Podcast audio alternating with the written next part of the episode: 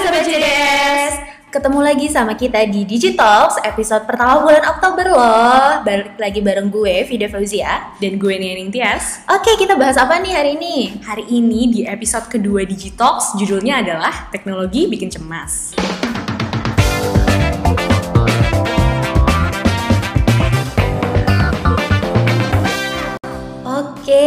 Ada apa nih yang spesial di bulan Oktober ini sih kan ya? Ya jadi bulan Oktober ini tepatnya di tanggal 10 Oktober adalah World Mental Health Day. Oh, Jadi eh, WHO dia memperingati hari ini sebagai ajang buat raise awareness soal isu-isu eh, mental health atau kesehatan mental karena Oke. selama ini kayak banyak stigma surrounding mental health yang kayak orang-orang tuh kayak mereka nggak mau eh, apa ya istilahnya tuh kayak nggak mau eh, mengakui atau misalnya dia Oke. malu atau misalnya orang-orang yang dengan mental health itu kayak dijudge Judge sama sama publik gitu kayak gitu ya. apakah gila ataukah apa gitu Hmm, kayak kadang-kadang orang kalau misalnya mereka merasa punya eh, masalah dengan mental health itu mereka reluctant untuk seek help karena Oke. lo ngapain ke misalnya ke psikiater lo gila kayak gitu kan Mm-mm. takut dijudge gitu ya sama takut dijudge nah makanya ada eh, peringatan eh, untuk kayak mungkin mainstreaming Oke. the idea of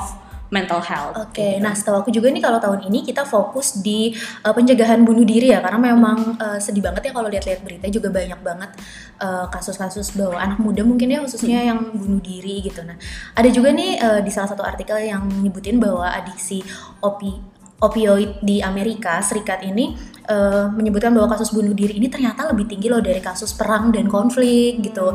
Jadi ternyata uh, pergulatan manusia itu paling besar dengan dirinya. Iya. Ya kan? Dan itu tuh sedih karena dari dalam yang lebih susah kan? Iya.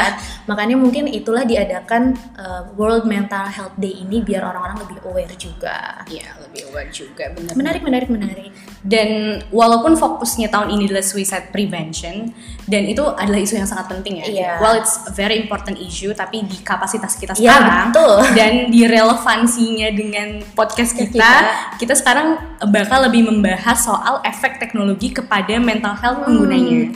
karena memang itu sih banyak juga kan uh, penelitian dan orang-orang mungkin yang menyebutkan bahwa uh, teknologi mungkin sosial media khususnya menjadi salah satu penyebab besar yang menciptakan depresi, anxiety, ya mental health uh, untuk kasusnya mungkin di sini adalah generasi muda ya. kita Penggunanya juga teknologinya. ternyata banyak banget nih studi juga yang bilang bahwa teknologi mungkin utamanya tadi kan sosial media nih eh, banyak dampak negatifnya nih terhadap mental health. Nah tapi bener nggak sih? Apakah memang tidak ada dampak positifnya sama sekali? Terus gimana sih media sosial ini bisa meningkatkan cemas? Terus kok bisa? Itu yang bakal kita kupas lebih dalam di episode kita kali ini. Iya, betul banget. Iya, mungkin yang yang paling jelas evidence-nya itu manusia itu kayak udah ketergantungan gitu kali ya Iya. sama ponsel. iya, betul. Ponsel pintar terutama. Iya. Terus yang ada media sosialnya. Kayak dia tuh eh, bahkan di dalam beberapa studi yang aku baca tuh dia kayak bilang kalau misalnya dalam beberapa kasus emang orang itu kecanduan media sosial. Iya. Kayak dia kecanduan uh, narkoba, rokok, iya. misalnya alkohol kayak gitu. Jadi uh, apa namanya? Kayak sering gak sih kita ngerasa cemas kalau misalnya handphone ketinggalan? Kayak tiba-tiba kayak handphone ketinggalan. Iya benar. Kayak tiba-tiba kayak lo nggak bisa ngapa-ngapain gitu. Bener banget aku lebih milih untuk ketinggalan dompet daripada ketinggalan handphone. Betul, soalnya Karena- bisa bayar pakai Oh e-wallet. ya benar kayak kalau ketinggalan handphone mending balik lagi gitu kan. Iya itu banget. Jadi kayak emang beneran kayak tiba-tiba tuh kalau kayak ada yang hilang aja gitu loh. Iya betul. Kayak beneran tiba-tiba hilang. separuh kemampuanku hilang tanpa ponsel kayak gitu. Dan eh, ada juga studi yang menemukan kalau misalnya ada orang yang kalau dipisahin sama HP-nya itu tuh dia stres berlebihan Iya. gitu. Bahkan ada yang nunjukin tanda-tanda withdrawal symptom kayak Oke. kayak orang yang tadinya dia uh, ter- ketergantungan alkohol terus dia mencoba berhenti tapi ada simptom-simptom yang kayak muncul dari dalam dirinya kalau dia lagi Serem ya? iya Separah itu. separah itu kayak kalau nggak ada handphone tiba-tiba kayak cemas keingetan Iya. terus deg-degan atau gimana kayak gitu nah ini tuh kenapa sih bisa kayak gini kayak gitu itu kan yang bakal kita bahas hari ini kenapa teknologi atau ketidakadaan teknologi yang kita sudah terbiasa dengan keberadaannya tuh kenapa sih bisa bikin cemas Oke, nah eh, sebelum kita uh, bikin episode ini, tentunya kita udah research dulu sih guys. Jadi ada beberapa yang kita ambil untuk kita bahas di sini dari berbagai artikel, dari uh, berbagai media juga ya, yang akhirnya mungkin kita uh, jadikan uh, konten di episode kita kali ini. Nah, yang pertama itu mungkin kita akan bahas dulu nih ada beberapa poin yang menyebabkan kenapa teknologi ini bisa bikin cemas. Yang pertama mungkin uh, menurut aku adalah distraksi sih efek Hmm. distraksi dari teknologi itu sendiri gitu. Notif ya. Iya betul. Jadi kayak eh, tiba-tiba tuh ada notif dari sosmed atau enggak apps sih, bukan sosmed doang kan. Iya, Apps juga kita apps jadi juga. Ada push notification ya semuanya. Apps gitu. Apalagi buat notif promo, wah itu nggak boleh ketinggalan dong coy. Jadi dinyalain kita nyalain notif karena takut ketinggalan promo terbaru gitu Iya, kan. kalau misalnya ada tuh harus langsung dilihat. harus ada Ini dan nggak disadari itu juga bikin kita konsumtif kan ya Iya sebenarnya. benar banget. Terus Padahal kayak kalau enggak kelew- kalau kelewatan ya udah berarti nggak usah beli kan. Iya benar. Nah terus juga eh, bahkan nih ada penelitian yang mengatakan bahwa eh, orang itu rata-rata buka kunci HP itu 85 kali per hari. Cuman buat cek 85 kali. notif. Buat, cuman buat cek notif gitu. Nah akhirnya kan Kayaknya itu gue sampai di dalam. Ayo ya, tahu sih pasti sih, pasti lihat aplikasi itu kayak promo. apalagi sekarang Eh, handphone tuh ada always on iya. ya jadi kayak ada ada kelihatan gitu kalau misalnya ada notif tuh kayak wah ada notif ada ada simbol simbol sesuatu kayak langsung di unlock Iya, gitu. bahkan kalau misalkan aku pernah tuh sampai enggak eh, vibrate handphonenya, tapi tuh nggak tahu, pengen buka aja. Ngerasa kayak pengen cek ada notif nggak ya? Padahal pada ada, ada. bunyi, nggak getar, nggak apa kayak pengen adanya notif iya, pengen pengen, pengen lihat aja rasanya. gitu kan. Kayak ini tuh salah, tapi gimana ya? Kita tidak bisa menghentikan diri kita buat ngecek handphone gitu. Akhirnya nih si notifikasi-notifikasi ini kan jadi distraksi tadi ya. Akhirnya bikin kita ini salah fokus nih, apakah dari kerjaan kita gitu kan. Akhirnya tuh jadi apa ya? Mau ngerjain apa-apa cek Instagram dulu dan lain-lain. Karena ada notifikasi. Sekarang Instagram ada notifikasi yang bisa kalau DM tuh muncul di pop up kita oke. Ada. Jadi kadang aku kayak kok ini jadi ada notifikasi Instagram ya? Terus kayak oh ada DM dan kayak gitu. Jadi ada pun Instagram sekarang sampai notifnya gitu kan. Terus akhirnya tuh kan itu mengganggu keseharian kita ya Iya. menurut aku. kita tidak jadi apa ya nggak fokus lah apa dengan apa yang kita lakukan hari itu. Bahkan kayak kalau misalnya kita mau ngecek kerjaan yang dikirim di WhatsApp gitu terus tiba-tiba ada notif Instagram terus dibuka dulu terus jadi keterusan. Iya, benar. itu sumber distraktif banget. Nah Benar. terus ada juga or eh, ya ini masih di studi yang sama dia bilang kalau orang-orang itu cemas saat dia nggak bisa cek media sosial kayak kalau misalnya sesuatu terjadi dan dia nggak bisa cek medsos tiba-tiba tuh jadi cemas kan Iya.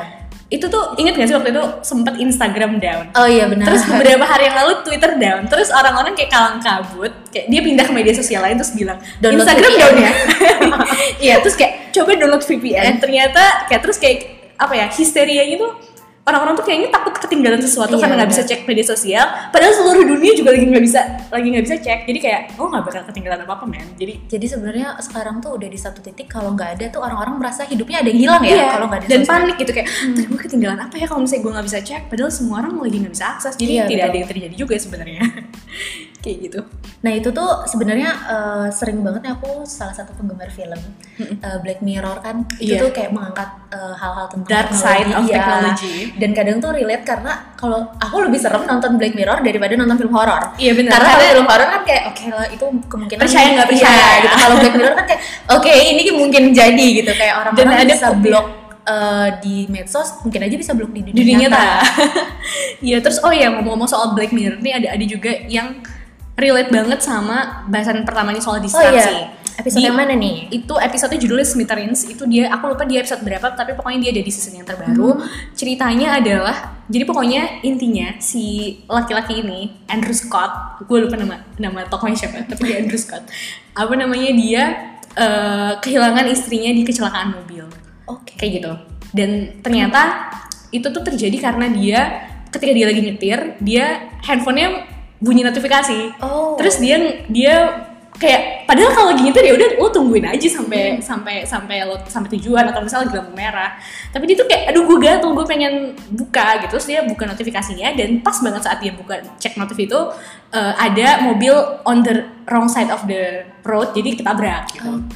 sebenarnya nah terus terus tuh dia kayak berusaha untuk nelponin CEO-nya aplikasi ini. Kayak lo tanggung jawab gitu gue sebenarnya gue cuma mau ngomong tapi eh, lo tau gak sih apa yang lo lakukan itu sudah merenggut nyawa seseorang gitu ya. seseorang gitu dia sebenarnya dua-duanya salah dan ternyata tapi ketika lagi ngobrol sama CEO-nya CEO-nya emang bilang perusahaan kami emang apa berusaha meningkatkan engagement Oke. Dengan notifikasi. Dan pokoknya gimana caranya supaya orang-orang ada di aplikasi kita lebih lama kayak gitu. Dan mungkin tanpa sadar itu tuh selain itu mungkin salah salah perusahaannya juga tapi juga itu salah orangnya yang Nggak bisa mengontrol. nggak bisa mengontrol diri sendiri. Well, so ya kayak gitu. Jadi maksudnya intinya adalah teknologi itu bisa banget kayak ngontrol kita Iya, gitu. benar. Nah, eh, kenapa sih distraksi ini sebenarnya jadi salah satu penyebab untuk masalah di mental health ini? Nih, aku pernah baca juga nih eh, salah satu jurnalis terkenal ngobrol itu Desi Anwar dia bahas tentang eh, contentment. Jadi perasaan apa ya? Mungkin kalau dari kamus itu bisa diartikan sebagai perasaan bahagia dan puas gitu. Content. nah, untuk ini tuh orang-orang kan semua manusia pasti pengen bahagia kan. Nah akhirnya tuh untuk mendapatkan perasaan bahagia itu tuh yang menghalangi kita itu adalah keterikatan-keterikatan kita misalkan pada masa lalu atau masa depan. Nah sekarang kan sosmed atau notifikasi kayak gitu membuat kita jadi apa ya terikat. Jadi kita harus ngeliat terus kan mendistract kan. Atau enggak contohnya nih misalkan kita gagal lagi move on ya kalau iya, buka. Instagram scroll ke bawah dikit kayak atau kita wow ada memori masa lalu Betul. Atau kita mungkin malah jadi terlalu banyak mikirin what if what if what if, Iya. what if terus kan. Misalkan kita lagi duduk nih, kalau nggak aku lagi ngopi nih misalkan sama Kanea gitu kan, eh terus tiba-tiba malah eh, pas buka Facebook terus ngelihat mantan, wis. terus, terus jadi kayak kayaknya agak curhat gitu Iya, ya nggak apa-apa boleh boleh jadi kayak kita malah nggak apa ya nggak fokus dengan apa yang kita lakukan saat itu Mm-mm. dengan orang yang ada di hadapan kita terus kita malah mikirin oh dulu tuh mantan gue pernah ngajak gue ke sini juga eh pas lihat lagi ada orang lain yang misalkan dia lagi kerja atau apa mungkin di luar negeri eh gue nanti eh, kayaknya pengen dia ke sini bisa nggak ya gitu akhirnya tuh ada pikiran-pikiran itu yang mendistract kita akhirnya kita nggak bahagia dengan apa pun yang kita lakukan dan Mm-mm. apa pun yang kita punya kan Iya, saat itu betul banget nggak Gitu. nggak present in the moment ya Ya betul, itu sih yang bikin bahaya. Mungkin hal kecil tapi nggak disadari kan bahaya banget. Ada lagi nih poin selanjutnya apa ya selain distraksi? nah selain distraksi itu ada yang sekarang namanya FOMO Ah, aku sering banget tuh denger. fear of missing out Iya. jadi ini kayak kecemasan ini tuh nyambung sama yang pertama di soal distraksi tadi yang soal kalau kayaknya kita kalau nggak cek media sosial tuh bakal ketinggalan gitu. Iya. Padahal kita tuh nggak tahu kita bakal ketinggalan apa. Iya, benar. Kan maksudnya di sosial media tuh dia berjalan terus-terusan mungkin 24 jam nggak berhenti. Cuman jadi kita tuh selalu memiliki keinginan untuk ah gue mau cek ah ada apa Iya, ya benar. di Twitter lagi rame apa ya di Iya. Instagram lagi rame apa. Padahal ya udah sih kayak maksudnya nggak usah nggak usah terus-terusan Mm-mm. dicek. Cuman kayak kita tuh selalu ada kayaknya kalau gue nggak cek sekarang gue bakal ketinggalan Iya, suatu hal deh.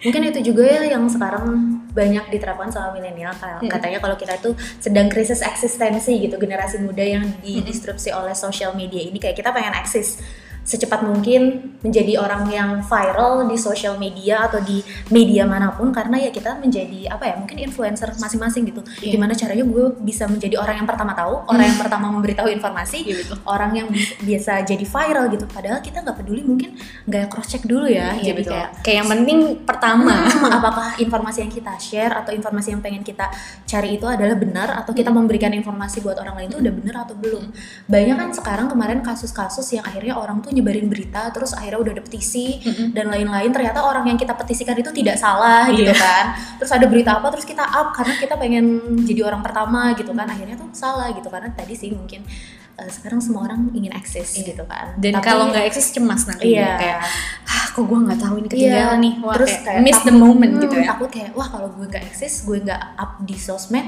tempat gue di dunia di mana Iya. kan karena ngerasanya dunia kita adalah di sana iya, kita udah Padahal- pindah ke virtual iya. world ya serem juga kan serem lama-lama iya sangat serem. Kayak mencari eksistensi di dunia yang fana. Ya betul. Oke terus abis itu ini menarik Apa banget nih? Vet. ini Apa? kecemasan yang datang.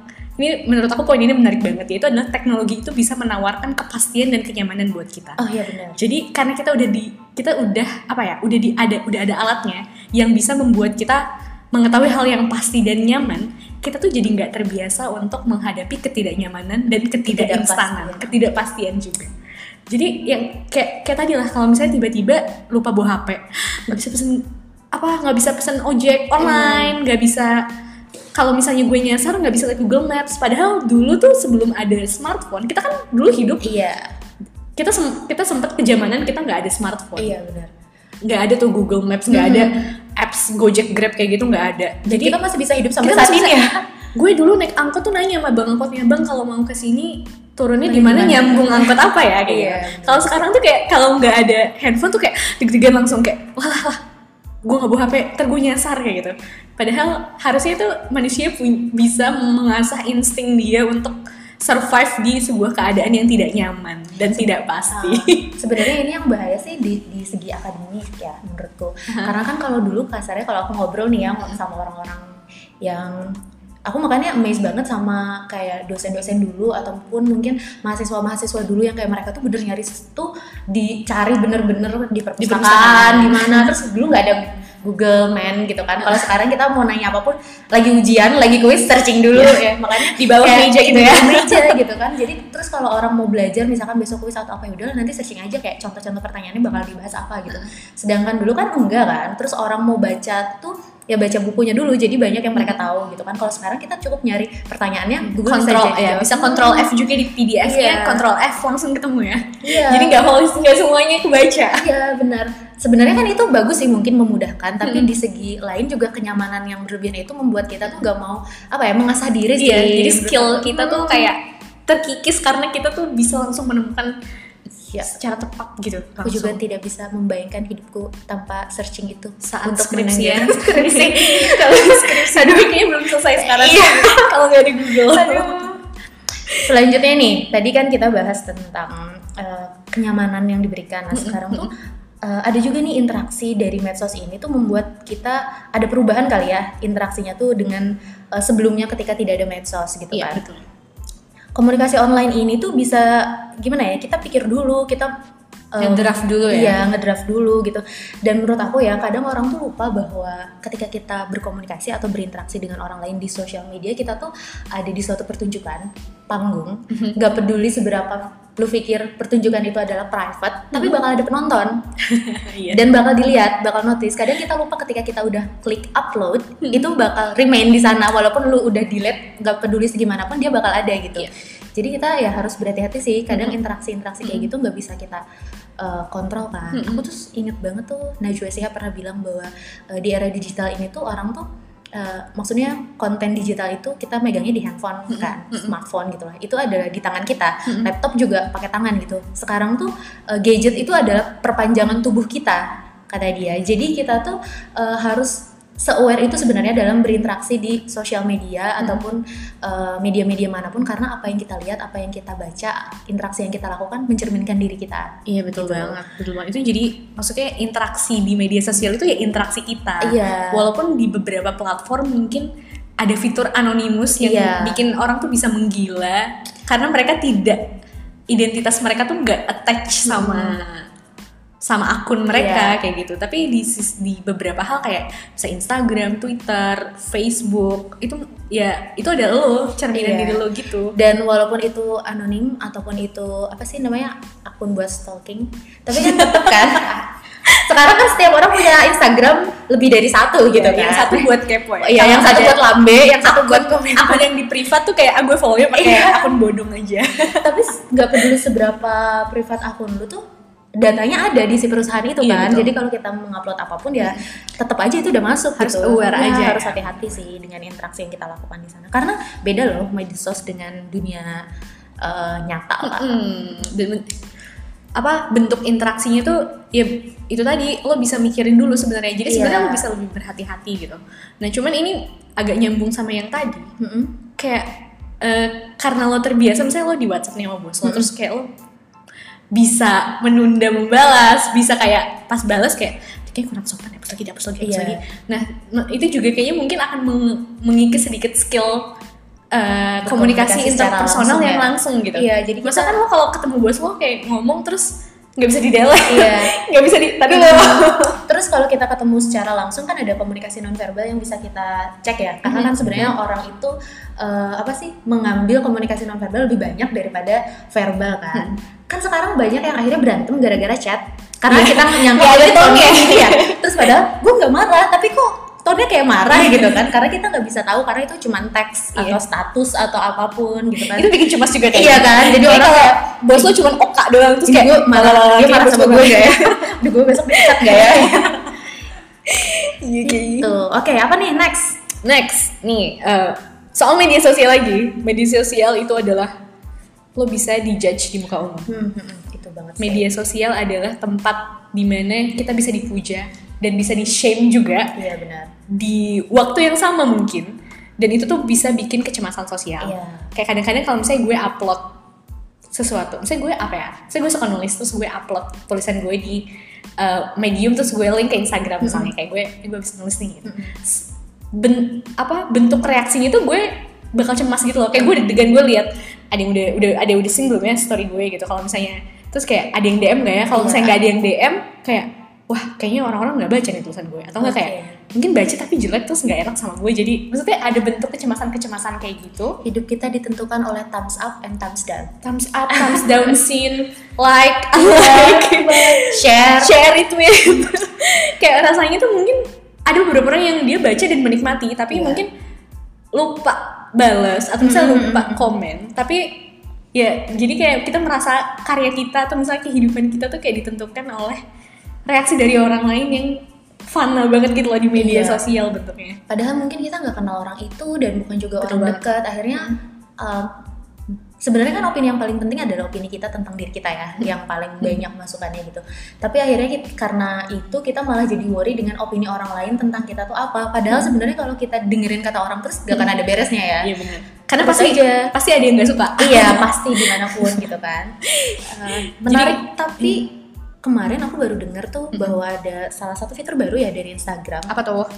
Uh, itu namanya itu restrict Uh, jadi si CEO-nya Instagram ini sekarang aware dengan bullying di sosmed gitu. Karena kan banyak banget tadi di comment section ya terutama. terus kayak banyak juga yang uh, bunuh diri mungkin dan depresi gitu ya dengan sosial media. Dia mempunyai satu apa ya mungkin mm, tujuan untuk mengurangi itu semua. Jadi dia membuat fitur restrict namanya itu untuk mencegah mencegah bullying. Ketika kita uh, misalkan ngelihat sesuatu komentar yang menurut kita tuh aduh kok gue malah jadi kepikiran ya gitu kan. Kita bisa merestriksi pengguna itu yang komen dan uh, semua komentar dari pengguna yang mengkomen tersebut tuh cuman bisa dilihat oleh mereka komentarnya itu nggak bakal bisa gue lihat ataupun orang lain lihat jadi, Jadi cuman dia dia, aja sendiri kalau lu gitu ya? head speech ya baca aja tuh head speech lu terus terus itu gue nggak bakal lihat gitu kan itu bagus sih menurut aku dan si orang yang di restrict ini tuh nggak bakal tahu kalau aku dia di restrict. merestrict. Mm-mm. Oke, jadi kayak kok gue dikacangin terus dia ngomen terus-terusan Iya. padahal di kita nggak muncul gitu ya. ini tuh mungkin nggak jadi ini gue lupa oh ini tuh mungkin sama kayak eh, Ini kayak blog di YouTube. dunia nyatanya Sam- iya sih Black Mirror. Black Mirror. Kayak, lo gue blok dari kehidupan Mm-mm. ini. gitu Sebenarnya ya. ini salah satu langkah utama mungkin yang dilakukan Instagram menurut aku eh, mengikuti dengan apa yang telah dilakukan YouTube kepada channel-channel yang melindungi anak kecil. Hmm. Eh, YouTube kan menghilangkan kolom komentar, komentar, Komentar. sorry, Iya. typo ngomongnya. kolom komentar ketika videonya ternyata ada anak di bawah umur kan? Iya, nggak akan ada komentarnya sekarang. Nah mungkin ini langkah eh, seperti itu yang dilakukan Instagram sih menurut aku. Bagus. Iya betul. Supaya apa ya? Sosial media, sosial media. Typo juga. Typo juga maaf. Maksudnya media sosial tuh eh, udah jadi social standing buat apa namanya generasi masa kini. Hmm. Kayak, ini bahas Black Mirror terus tapi kayak dia relevan gitu. Ada salah satu episode lagi Yang mana nih? Nose Dive. Ini salah satu episode favorit gue. Dia itu jadi kehidupan society-nya tuh udah ditentukan sama media sosial. Jadi kayak lo tuh ada ratingnya gitu.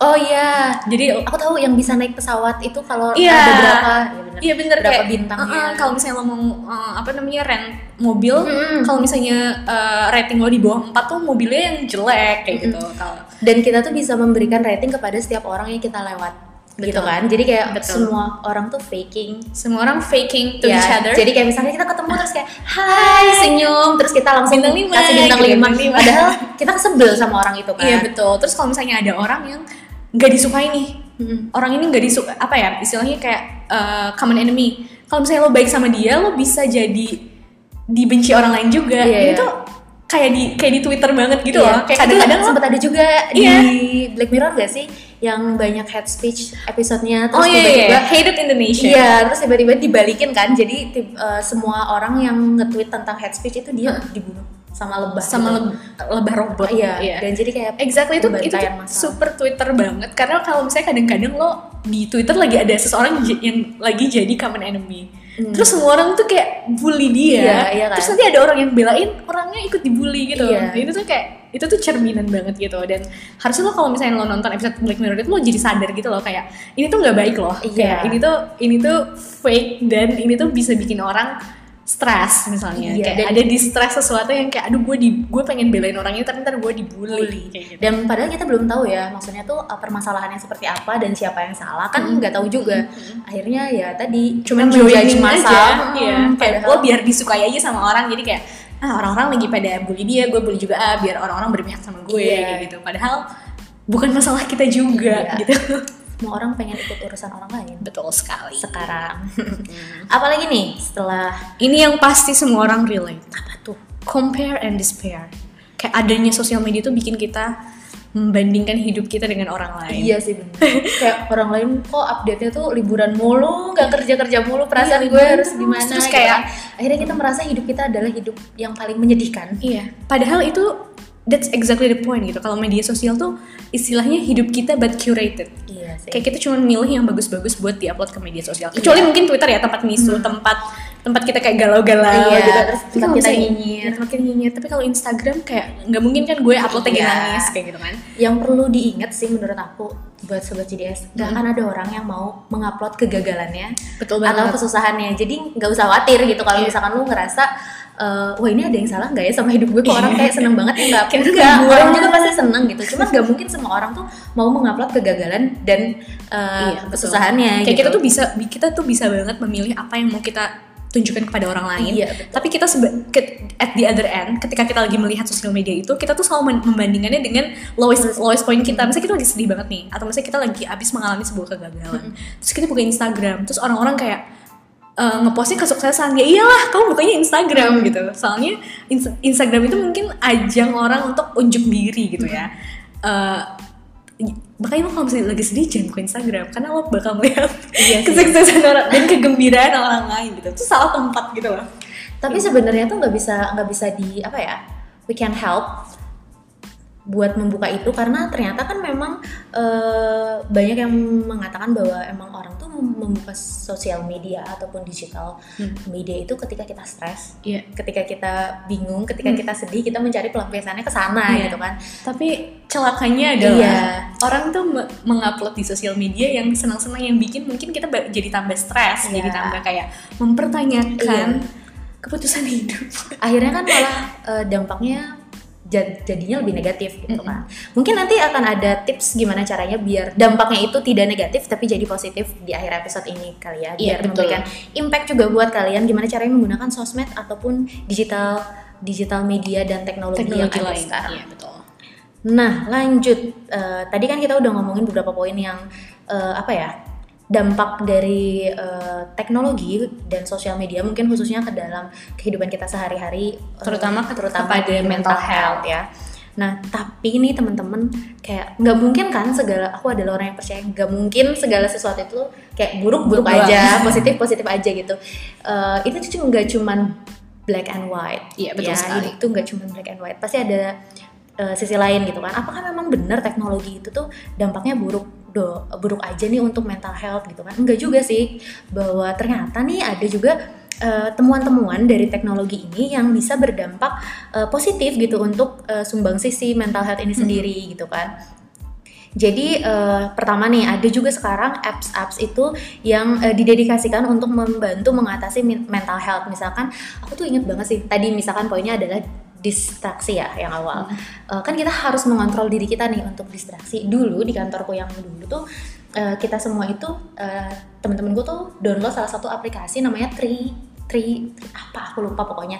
Jadi aplikasi itu adalah pohon, dia menjadi lock screen handphone kita. Mhm. Dia akan bertumbuh lebih besar ketika kita mengecek dan membuka handphone itu sering.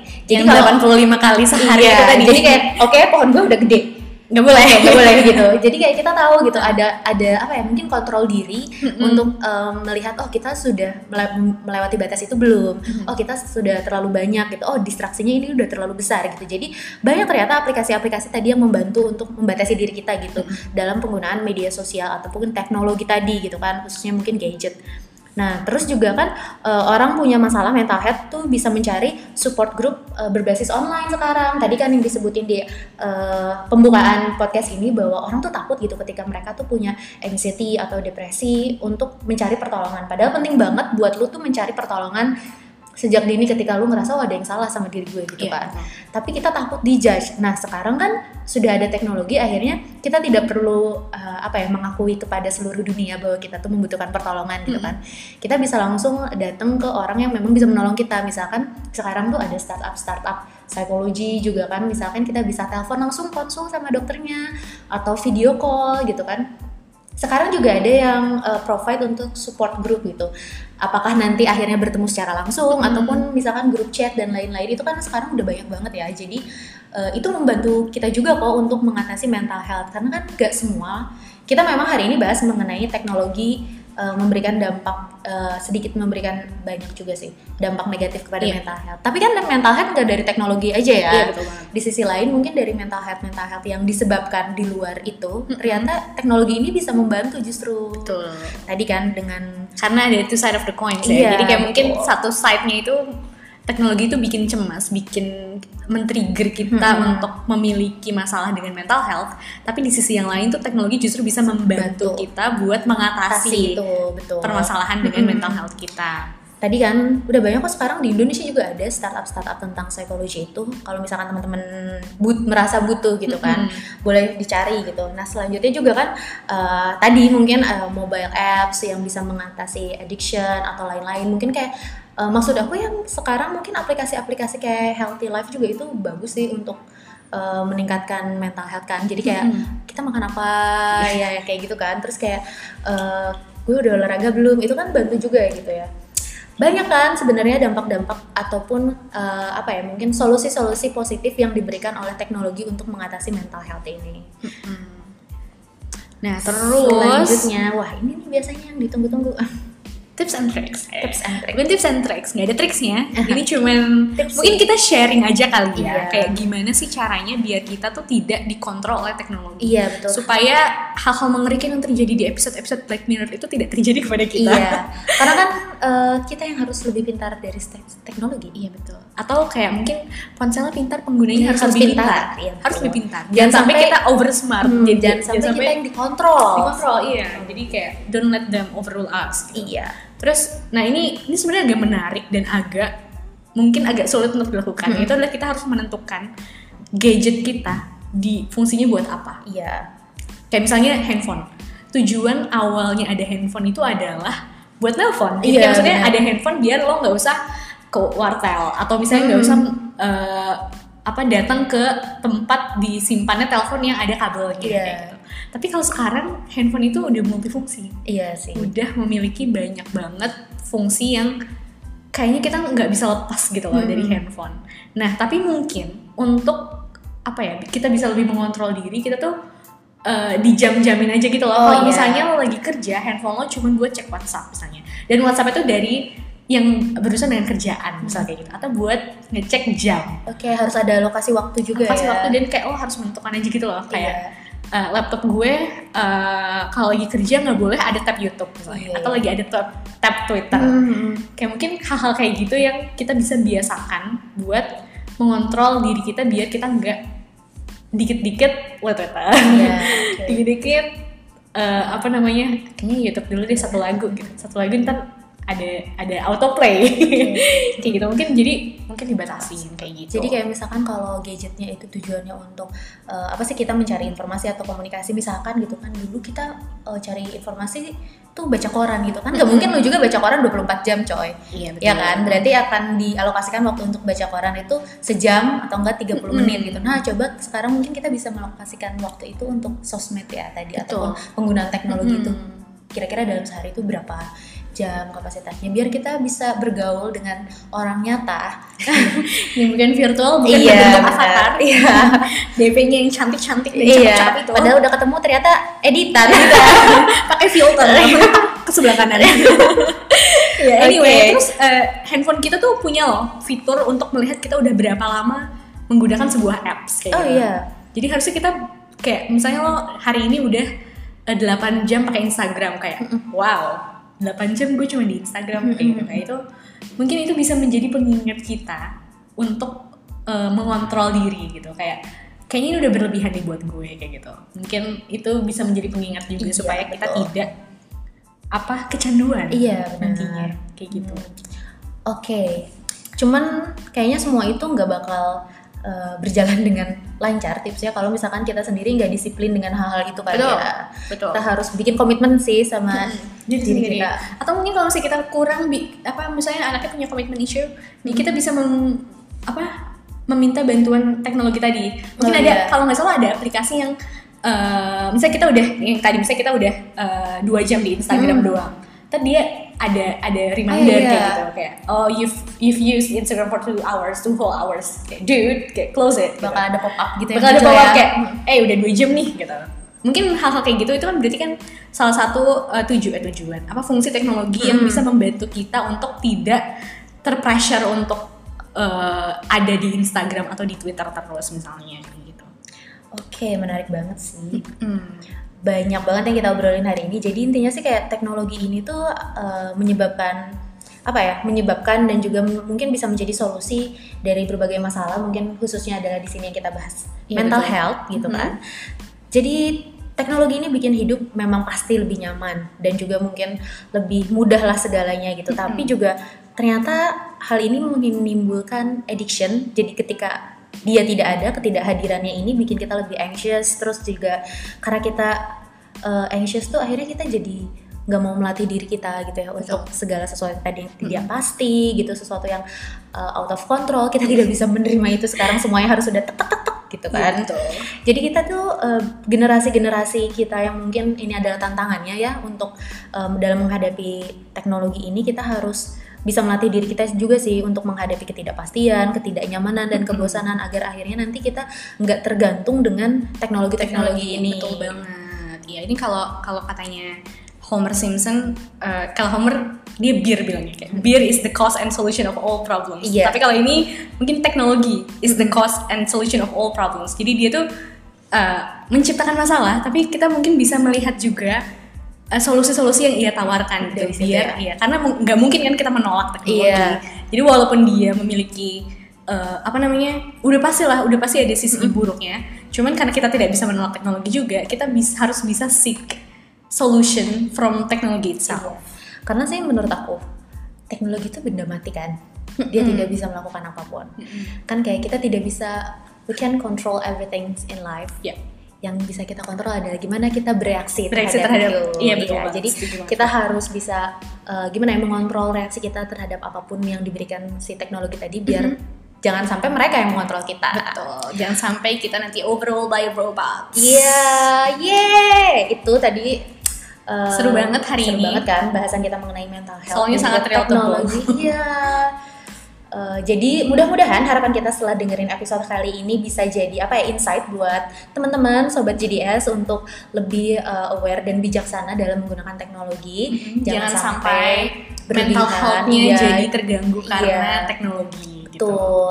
Dan kalau kalian juga sedang merasakan mungkin mental health atau ada sesuatu yang ada salah, kesedihan, ada kesedihan, ada kecemasan, jangan mungkin- takut untuk meminta pertolongan karena dan sekarang- bisa nyari online juga loh Iya, sekarang. sekarang kan ada teknologinya tuh udah banyak bisa kalian googling tentang startup yang bisa membantu kalian ataupun betul banget. konsultasi dan lain-lain. Karena itu tuh ya tadi kan tujuan si mental health day ini tuh Mhm. adalah biar orang-orang aware, Aware, jangan sampai hal ini dan break disingkirkan. the stigma Mm-mm. juga Karena penting ya mental Penting health ternyata. penting Jadi banget. jangan eh, jadikan hal ini tuh sebagai sesuatu yang ah nggak penting semua juga sama kok bisa sedih gitu kan. Tapi kita nggak Mm-mm. tahu di karena mental health kalau mental health issue itu penyakit sebenarnya nggak Iya. ada bedanya sama flu dan sakit kepala gitu Iya, sama-sama betul. harus diobati dan ditangani kayak gitu. bahkan kalau misalkan udah parah tuh dia bisa menimbulkan physical pain juga sih Betul. ada yang sakit perut muntah-muntah dan Iya, lain-lain gitu kan tiba-tiba jadi pusing gitu kan kalau Iya. stres banget sampai itu tuh bisa jadi pusing dan itu adalah apa mungkin tanda-tanda kalau misalnya itu this is a real thing gitu. iya oke jadi begitu teman-teman dan sobat GDS khususnya yang udah dengerin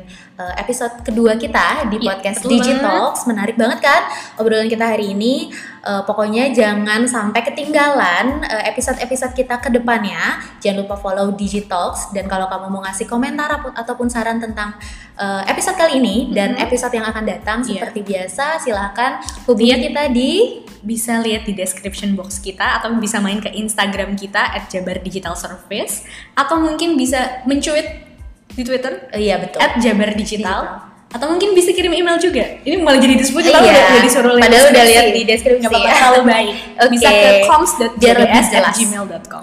Oke, that's all for today. Oke, bye. Bye. I think bye.